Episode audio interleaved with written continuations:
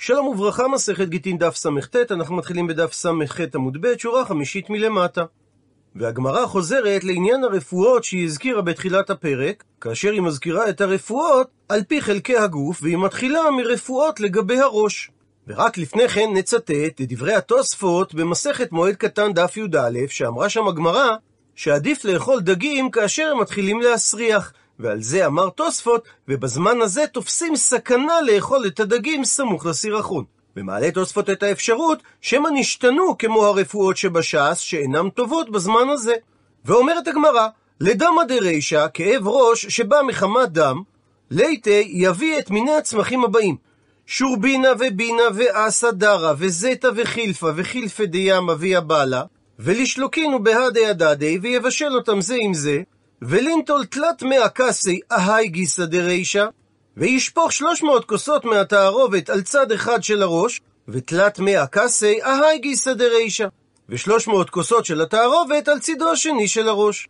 ואי לא, ואם הוא לא יכול לעשות את הרפואה הזו, או שהוא עשה את הרפואה והיא לא הועילה לו, ליתי שיביא ורדה חיברא דקאי בחדרא, ורד לבן שכל העלים שלו הם מצד אחד של קנה הוורד, ולישלקי, וישלוק אותו במים חיים, ולינטול שיתין כסי אהאי גיסא דרישא, ושיתין כסי אהאי גיסא דרישא. וישפוך 60 כוסות מהתערובת שיצאה לו על צד אחד של הראש, ו-60 כוסות מהתערובת על צידו שני של הראש. וממשיכה הגמרא, לצליחתא, לכאב של חצי הראש, כנראה מה שמכונה היום מיגרנה, ליתי תרנגולא ברא ולישחטיה בזוזא חיורא, אההוא גיסא דכייב ליה, שיביא תרנגול בר וישחט אותו בדינר של כסף צרוף, על אותו צד שכואב לו הראש, כך שדם השחיטה ייזל על ראשו. אבל, ונזדהר מדמי דלא לסמינו לעיני, שייזהר שהדם לא יסמא את עיניו. ולאחר מכן, וליטלי בסייפא דבבא, שיתלה תרנגול הבר השחוט בפתח הבית, דכי איל חייף בי וכי נפיק חייף בי, שכאשר הוא ייכנס ויצא, הוא יתחכך בקופת תרנגול הבר. הפכנו דף וממשיכה הגמרא, לכל שנקרא בורוקט. ורש"י אומר שקוראים לזה בלעז תיילה, וכנראה הכוונה למה שאנו מכונים קטרקט. ליתי אקרבה דשב חומרי, שיביא הקרב שהוא מנומר בשבע גוונים מחמת שהוא זקן, ונייבשי בתולה, כלומר, לייבש אותו בצל ולא מחמת השמש, ונשחוק תרתי מנטה כוכלה וחדה מנטה מיני, וישחוק שני חלקים של כחול לעיניים וחלק אחד מהעקרב, כך שהתערובת היא ביחס של שניים לאחד, ולמעלה תללת מכך לי בהי הנה, ותלת מכך לי בהי הנה. וישים כמות של שלושה מכחולים שבהם נוטלים את הכחול בעין. זאת אומרת, במילים אחרות, ישים שלושה פעמים בעינו מהתערובת, אבל ייזהר שתפי לא למעלה, דאי לא פקע עיני, שלא ישים כמות גדולה יותר בעיניו, כדי שעינו לא תיפקע. ואז במקום תיקון לקטרקט הוא יתעוור. וממשיכה הגמרא, לשברירא דלילה, מסביר רש"י, חולי שסנוורים שבאות על האדם בלילה, ניתי שודרא ברקה, שיביא חבל של שיער בהמה ושל זנב סוס ופרה, וני סרחד אקרא מיני וחד אקרא מכלבה, ויקשור אחד מרגליו ורגל הכלב השני בשני ראשי החבל. ונטרפו ינוק כחספא בתרי, יקשקשו התינוקות שברי חרסים אחריו, ולימרו לי ויאמרו לו את הלחש הבא, אסא כלבה אחסא תרנגולה, זקן כלב שותה תרנגול. וליגבי, ויבקש שייתנו לו שב אומצי משבעה בתי, שבע חתיכות בשר משבעה בתים שונים, ולטבינו ניאלי בצינור הדדש, ובני הבתים שמביאים לו את שבע האומצות, יניחו אותם בחור שבמפתן הדלת, ונכלינו בקלקול דמטה, ויאכל אותם באשפות של העיר, דהיינו במזבלה של העיר. בתר אחי, ולאחר מכן, לפשוט שודרא ברקה, שיתיר את הקשר מרגלו, ונאמרו אחי, ויאמר את הנוסח הבא. שברירא דפלוני בר פלוניתא, שבקנו לפלוני בר פלוניתא, הסנוורים של פלוני בן פלונית, שיעזבו את פלוני בר פלונית, ולכר ולכלבה בבביתא דעיני, ושיאחזו בבבת עינו של הכלב. נראה לי פשוט שנוסח כזה לא היה עובר היום. וממשיכה הגמרא, לשברירא דיממה, איש שגורם לסנוורים ביום, ליתי שיבה סומקי מגבה דחיותא, שיביא שבעת חולים מבהמות שנשחטו, ונטבינו החספא דאומנה, ויצלה אותם על גבי כלי חרס שמלוכלך בדם שמקיזים לתוכו, בשעה שהרופא עושה הקזת דם. ולי טבעיהו מגבי ואי נשחרינה מהבראי, וישב החולה שמסתנוור ביום בתוך הבית, ואדם אחר שרואה טוב ישב מחוץ לבית. ונימלי אווירה, ויאמר העיוור לפיקח, הב לי דאכול, תן לי לאכול מעט חולים, ונימלי הייך פתיחה, סע וחול. ויאמר לו אותו אחד שרואה טוב שנמצא בחוץ, קח ואכול, ובתר דאכיל, ולאחר שהוא יאכל, חשוב מאוד שליטבר אל חספה, שישבור את כלי החרס, דאי לא, הדרי ילווה. כי אם הוא לא ישבור את החרס, חולי הסנוורים יחזור עליו.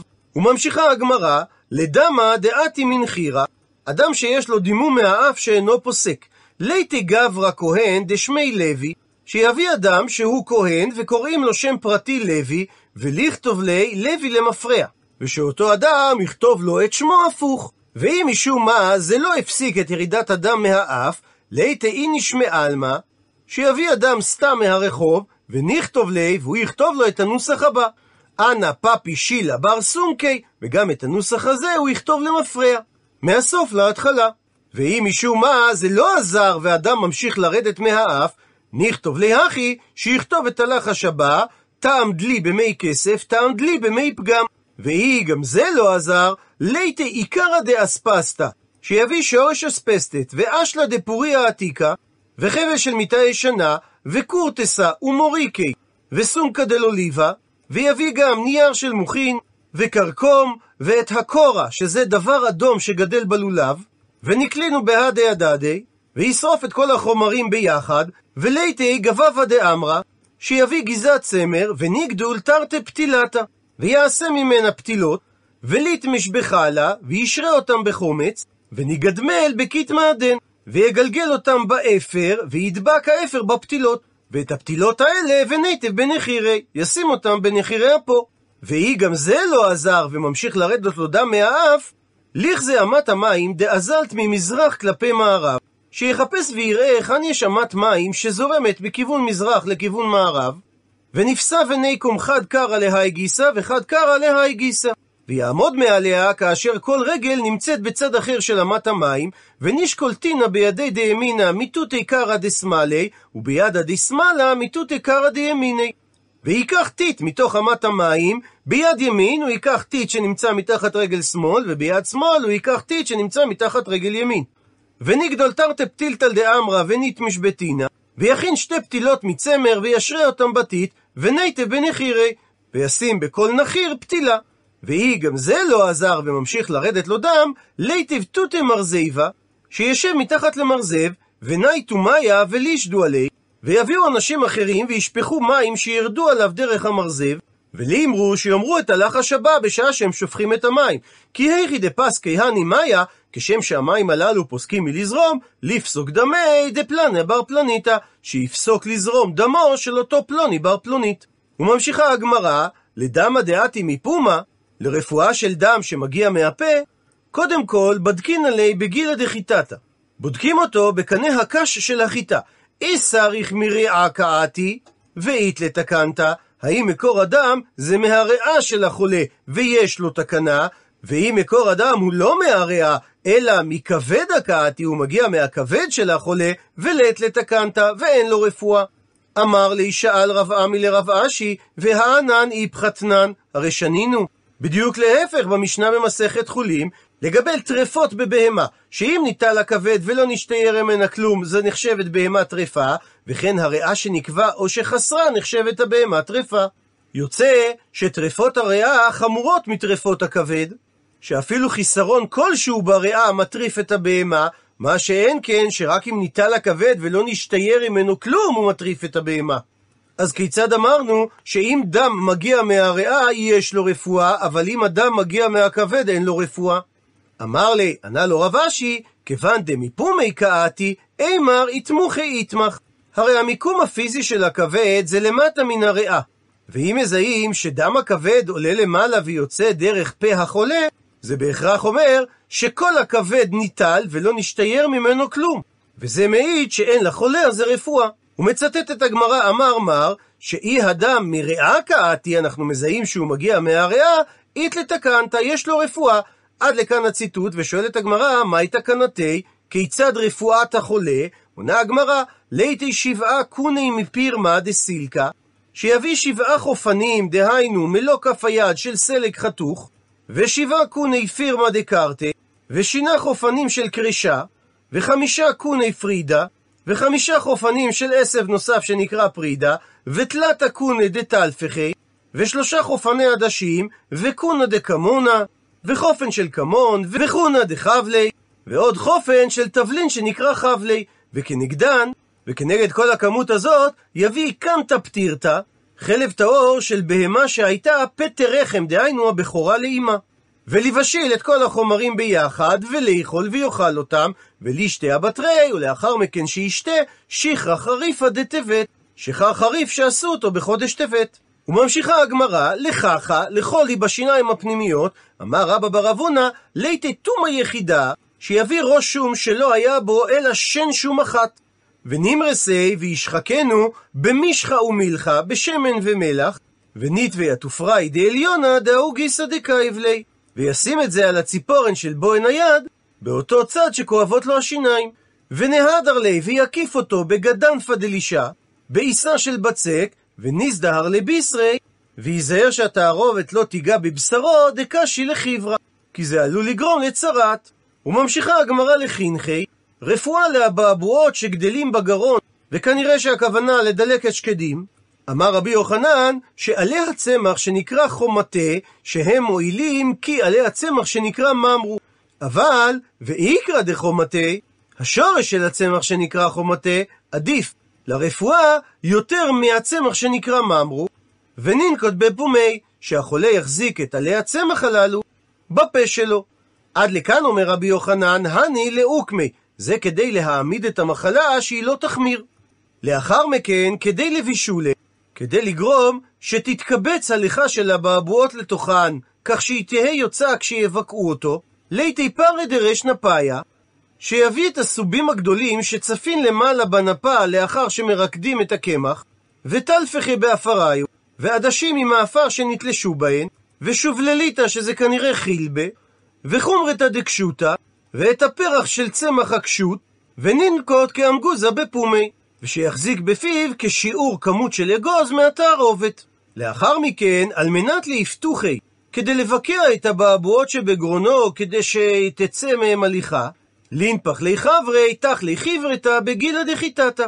שיבקש מחברו להכניס בגרונו קש של חיטה שהוא חלול, ויכניס בתוך הקש זרע שחליים לתוכו בראשו אחד, ויכניסנו בתוך פיו של החולה עד הבליעה, וינפח חברו בראש האחר, ויצאו השחליים ויפלו, וינקבו את הבעבועות ותצא המוגלה.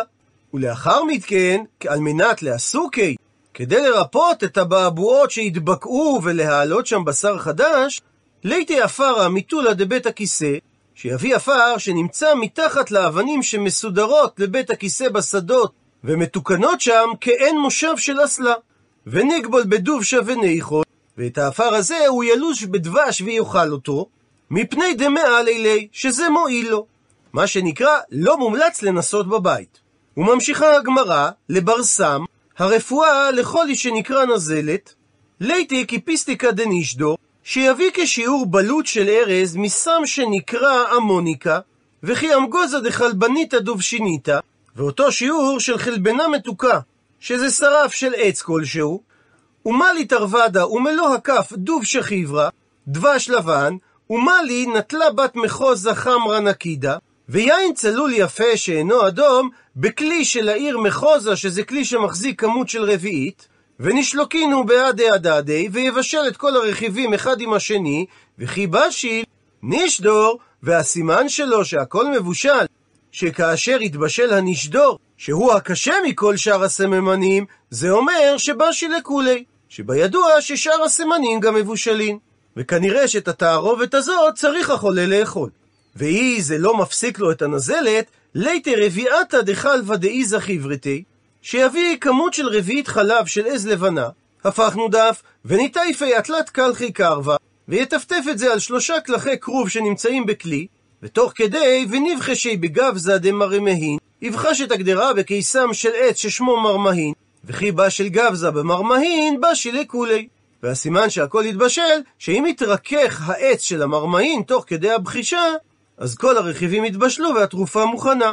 ואי זה לא עזר לו לנזלת, ליתי נפקי דקל בחברה, שיביא צואה של כלב לבן, וניגבול בנטפה, וילוש אותה בנטף, אבל אומרת הגמרא, וכמה דאפשר לו ברפואה אחרת, או להתאפק יום, נפקא לא נאכול. זה עדיף מאשר הוא יאכל את צואת הכלבים. לא מפני שהטעם גרוע, אלא מפני דמפריק, שזה יכול לגרום לנתק את איבריו.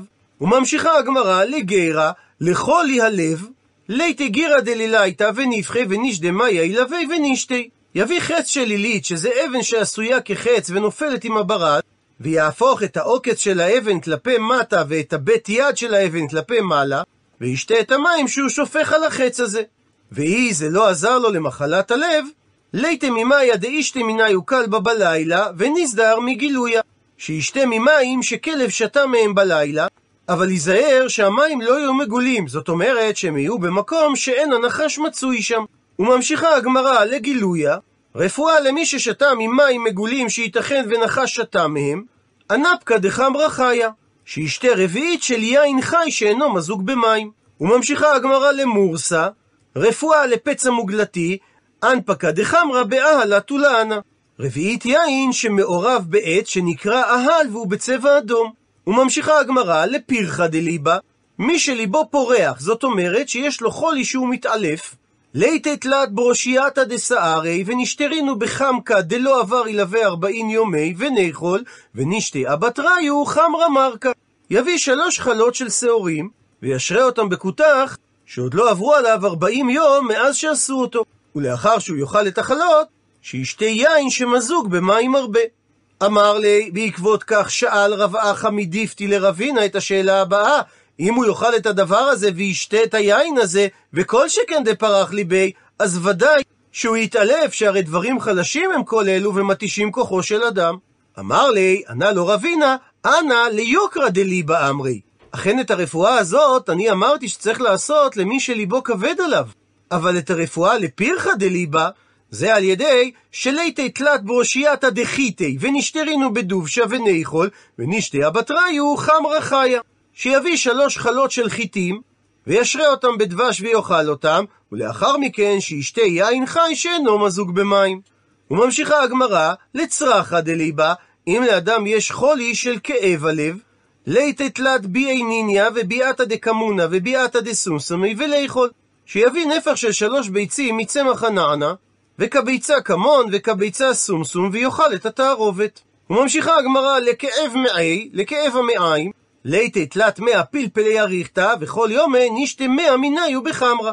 שיביא שלוש מאות גרגירים של פלפל ארוך, וכל יום, במשך שלושה ימים, ישתה מאה מהגרגירים ביין. ומספרת הגמרא, שרבין דמין העיר נרש, עבד לה לברטי, הוא עשה לביתו דרב אשי 150 מהני דידן, ואיציה.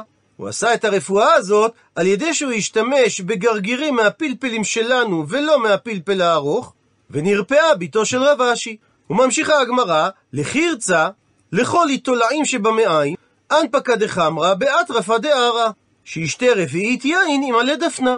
לחירצה חיברא, לתולעת לבנה שנמצאת במעיים, ליתי ביזרא גלגילה וניציירי בשיצה, שייקח זרע של צמח האורגה, ויקשרנו בחתיכת בגד של צמר גפן, ונתיירי במאיה ונשתי, וישרה את זה במים וישתה את המים, והאותיות הקטנות לגבי התרופה הזאת, ונזדהר מבינתה, דאי לא מנקווה ללמעייני. שייזהר שלא לבלוע את גרגיר הזרע של הצמח, שמא הגרגיר ינקב את מעיו. וממשיכה הגמרא למייסר, אם אדם רוצה לעצור שלשול, סיסין רטיבה במאיה, שישרה נען הלכה במים וישתה את המים. ולהפך, למישרא, אם רוצים לשלשם אדם שיש לו עצירות, יבישתא במאיה. שישתה מים ששרו בהם נענה יבשה. וסימנך, כדי לזכור שלא תחליף לשתות לך לשלשל ויבש לעצור, איצרתיבא דשכר נהרה. איצה זה שם של עשב, וכשהוא לך סוחרים בו את הנהרות, וכך תזכור שהנענה הלכה היא זאת שסותמת את המעיים. וממשיכה הגמרא לתכלה, אדם שהטחול שלו נפוח וגדול מחמת חולי, דבר שהיה נגרם פעם כתוצאה ממלריה, ליתי שב בינה דמאיה, ונייבשינו בתולה, וכל יום הנשתי תרתי ותלתה בחמרה, שיביא שבע עלוקות של מים, וייבש אותם בצל ולא בשמש, וכל יום ישתה שתיים או שלוש מהעלוקות הללו ביין. ואם משום מה זה לא הוריד את הנפיחות בתחול, ליתי תחלה דציפרתא דלא איפתח. וניתחיה בתנורא ונוקה להדי, שיביא טחול של עז שעדיין לא המליטה, ויתוח אותו בקירות התנור ויעמוד כנגדו, ונימה ויאמר את הלחש הבא. כי היכי דיאביש הייתך לה נהיה בשטחליה דפלוני בר פלוניתא. כשם שיבש הטחול הזה, כך יתייבש הטחול של פלוני בן פלונית. ואי לא, אם אין לו תנור, ניתחי בן אאור וידי בית אחדתא, יטיח את הטחול בכותל של לבנים של בית חדש, ונימה אחי, ויגיד את הנוסח שהזכרנו קודם, ואי זה לא עזר, ליבקה שכבה דשכי בשבתא, שיטרח עד שידע היכן יש מת שנפטר בשבת, ונשק ללידי, ונוט ואתכלי ונימה אחי. ויקח את ידו של אותו מת, ישים אותו על הטחול של החולה, ויאמר את הלחש הבא, היכי דאביש הידה נהיה ושתכליה דפלוני בר פלוניתא. כשם שיבשה היד הזו, כך התייבש הטחול של פלוני פר פלונית. ואי זה לא עזר, והוא גם לא מת מהתקף לב, ניתא בניתא, שיביא דג, ונית וייבי נפחה, ויצלה אותו על הגחלים שלפני הנפח, ונכלה במאיה דבי נפחה, ויאכל את הדג שהוא טבול במים שבהם מצנן הנפח את הברזל החם, ונשתה ממאיה דבי נפחה. ולאחר מכן הוא ישתה את המים שבהם הנפח השתמש. ומספרת הגמרא, ההיא איזה הייתה עז אחת, דהבת שתיה מאיה דבי נפחה, שהייתה רגילה לשתות את המים שהיו לפני הנפח, וכאשר איש תחית, נשחטה אותה עז, ולא איש תקח לתחלה. לא היה לטחול, כי המים של הנפח מועילות להקטנת הטחול. ואי כל זה לא עזר לו, ליפתח חביתא דחמרא לשמי. יפתח חבית של יין טוב לשמו, דהיינו שיהיה רגיל לשתות יין. אמר לרבא חברי דרבא לרב אשי, אי איתלי חביתא דחמרא, אם לאותו אדם יש חבית יין לשתות ממנה באופן תדיר, לא אתי לקמא דמר, הוא בכלל לא יהיה חולה ולא יבוא לפני אדוני, אלא אם אין לו אפשרות לשתות יין באופן קבוע, מרגל בפג'ה שחרי דמעליה לכולי גופי. שירגיל את עצמו לאכול פת כל בוקר, שזה מועיל לכל הגוף, וממילא מועיל גם לטחול. וממשיכה הגמרא, לרוש חטא, דהיינו לטחורים, ליטי שיביא עקיקה ואילבה ואספריחה ומרתחה וחומרתא דפילות ושיאפה דחממיתא. שיביא עקיקה שזה מין עשב ואהל וכספית ותחמוצת העופרת וכפתור ששמים בו בושם שנקרא פילות וצואת יונים חמה וננקט בשחקי דחיתנא בקיתא וישים את התערובת הזאת בתוך בגדים בלויים של פשתן בקיץ או ודאמר גופנה בסיטווה בבגדי כותנה בלויים בחורף ואת התערובת הזאת ישים על התחורים, ואי זה לא עזר לו, או שאין לו את המרכיבים של התערובת, לשתשיכה מרקה. ישתה שחר מזוג בהרבה מים. וממשיכה הגמרא לשגרונה. יש מפרשים שהכוונה להתכווצות שרירים ברגל, ויש מפרשים שהכוונה למחלת הגאוט. ליטיפתיה דמוניני וניגדר נשיטה זימני אהה מתחתי, ושיטין זימני אהה מתחתי. שיביא כלי מלא רוטב של דגים קטנים, וישפשף אותו שישים פעמים על ירך זו ושישים פעמים על הירך השנייה. וממשיכה הגמרא לצמירתא, לאבן בדרכי השתן, ניתתלתני תופייתא מישחא דקופרא, שיביא שלוש טיפות של שמן זפת, שזה עיטרן, ותלתני תופרתא איצרא דקרתי, ושלוש טיפות מיץ של קרישה, ותלתני תופייתא דחמרא נקידא, ושלוש טיפות של יין צלוט, ולישדלה, ואת הנוזל הזה שישים לאיש באמה ולאישה באותו מקום.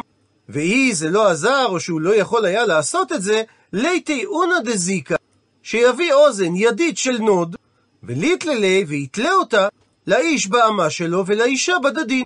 ואי זה לא עזר, שהוא לא יכול היה לעשות את זה, ליתי חוטא דזהוריתא דשדייתי דומא בדומא, שיביא חוט אדום שטבתה אותו אישה שחשודה בזנות, שהיא בת של אישה שבעצמה הייתה חשודה בזנות, וליתללי, ויתלה את זה לאיש באמה שלו ולאישה בדדין. ואי זה לא עזר, או שהוא לא יכול היה לעשות את זה, ליתי קינה דזכר ונקבה, שיביא קינה מגוף של איש ומגופה של אישה, וליתללי וישים אותה לאיש באמה שלו ולאישה באותו מקום. וכי וכאשר החולה משתין, נשתין אסיסנא יבישתא בצינורא דדשא, שישתין על סנה יבש שנמצא בחור שבמפתן הדלת, ונעיין בחומרתא דנפקא מיניה, דמאיה לכולי צימרא. וישים לב לאבן שיוצאת ממנו כדי לשמור אותה, כי האבן הזאת מועילה לרפא מחלות חום. וממשיכה הגמרא, לצימרא ברא, מחלת חום חיצוני, ליתתלתא גירבי סופלי, ותלתא גריבי אטרף אדרא, שיביא כמות גדולה, שלושה שאים של גלעיני תמרים, ועוד שלושה שאים של עלי עץ ששמו הדר, ונשלוקינו שיבשל כל אחד מהם לחודי בפני עצמו, וליטיב ביניו ושישב ביניהם, ולטבינו בתרתי משיחלי, שישים אותם בשתי גיגיות, וניתי פטורה וננח ילווה, ויביא שולחן וישים אותו מעל הגיגיות, וניקו מילווה היי ולא תבילווה היי, ומילווה היי ולא תבילווה היי. ויקום מגיגית אחת לשנייה, וחוזר חלילה מהשנייה לראשונה, עד דניסק בי הבלה, עד שיהיה בגופו חום משתי הגיגיות, וליסחמיניו, ויתרחץ במים מהגיגיות, וכי שתה, וכאשר הוא הולך לשתות מהמים, ממאיה דאידרא לישתה, אבל ממאיה דסופלה לא לישתה. שישתה רק מהמים שהתבשלו בהם עלי ההדר, ולא מהמים שהתבשלו בהם גליני התמרים. משום דמי אקרי, כי זה יכול לגרום לו להיות עקר מלהוליד. וממשיכה הגמרא, לצימרא גבנה, לחום פנימי, ליתי שבעה בוני דסילקה, משב משערי. שיביא שבעה חופנים של סלק משבע ערוגות שונות, ונשלוקינו באפריו, ויבשל אותם יחד עם האפר שהם צמחו בו, ונאכול ויאכל אותם, ונשתה אטרף אדרא בשיחרא, וישתה אחרי כן תערובת של עלי אדר בשיכר, או הפכנו דף, שיאכל ענבי תלה במים, שיאכל מענבי גפן שגדלה מודלת בדקל, כאשר הם מעורבים במים. וממשיכה הגמרא לחזזיתא, לכל ילפת שזה מין שכין, ליתשב חיתי ארזנייתא, ונקלינו אמר אחדתא, ונפיק נישחא מניו ונישוף. שיביא שבעה גרעיני חיטה גסים, דהיינו גדולים, ויקלה אותם על עת חדשה של ברזל, ואת השמן שהוא יוציא מהם הוא ימשך על השכין. ומספרת הגמרא שרב שימי בר אשי עבד ללאה עובד כוכבים לדבר אחר ואיצי. הוא עשה את הרפואה הזו על צרעת שהייתה לגוי, ועל ידי כך ריפא אותו. עד לכאן דף סט. למעוניינים בהרחבה, נקרא שאלה מאתר ישיבה שהופנתה לרב שמואל אריאל. שלום רב, אנחנו אוחזים בדף היומי במסכת גיטין דף עין, ובו פירוט רב של תרופות, סגולות לחולאים שונים. ברור שמבחינה מעשית התרופות הנ"ל אינן רלוונטיות לימינו, ולכן השאלה שלי היא, מדוע הן מפורטות בגמרא? מה לומדים ממגוון התרופות האלה? אם יש בהם רק רמזים וסודות נסתרים, הרי מקומם בספרות הסוד, ואם הם היו מעשיות בזמנן, הרי הגמרא אינה ספר אנתרופולוגיה. וכך עונה הרב שמואל אריאל, שלום וברכה. ראשית ננסה להבין מדוע הגמרא מצד עצמה הביאה תרופות אלה, ומתוך כך נחשוב על המשמעות של הדברים בדורותינו. בפשטות נראה שהגמרא הביאה את הדברים משום שחכמים ראו ערך גדול בשמירת הבריאות, ולפיכך מצאו לנכון להקדיש לעניינים אלה מקום גם בתוך הלימוד בבית המדרש, ולשלב זאת בגמרא.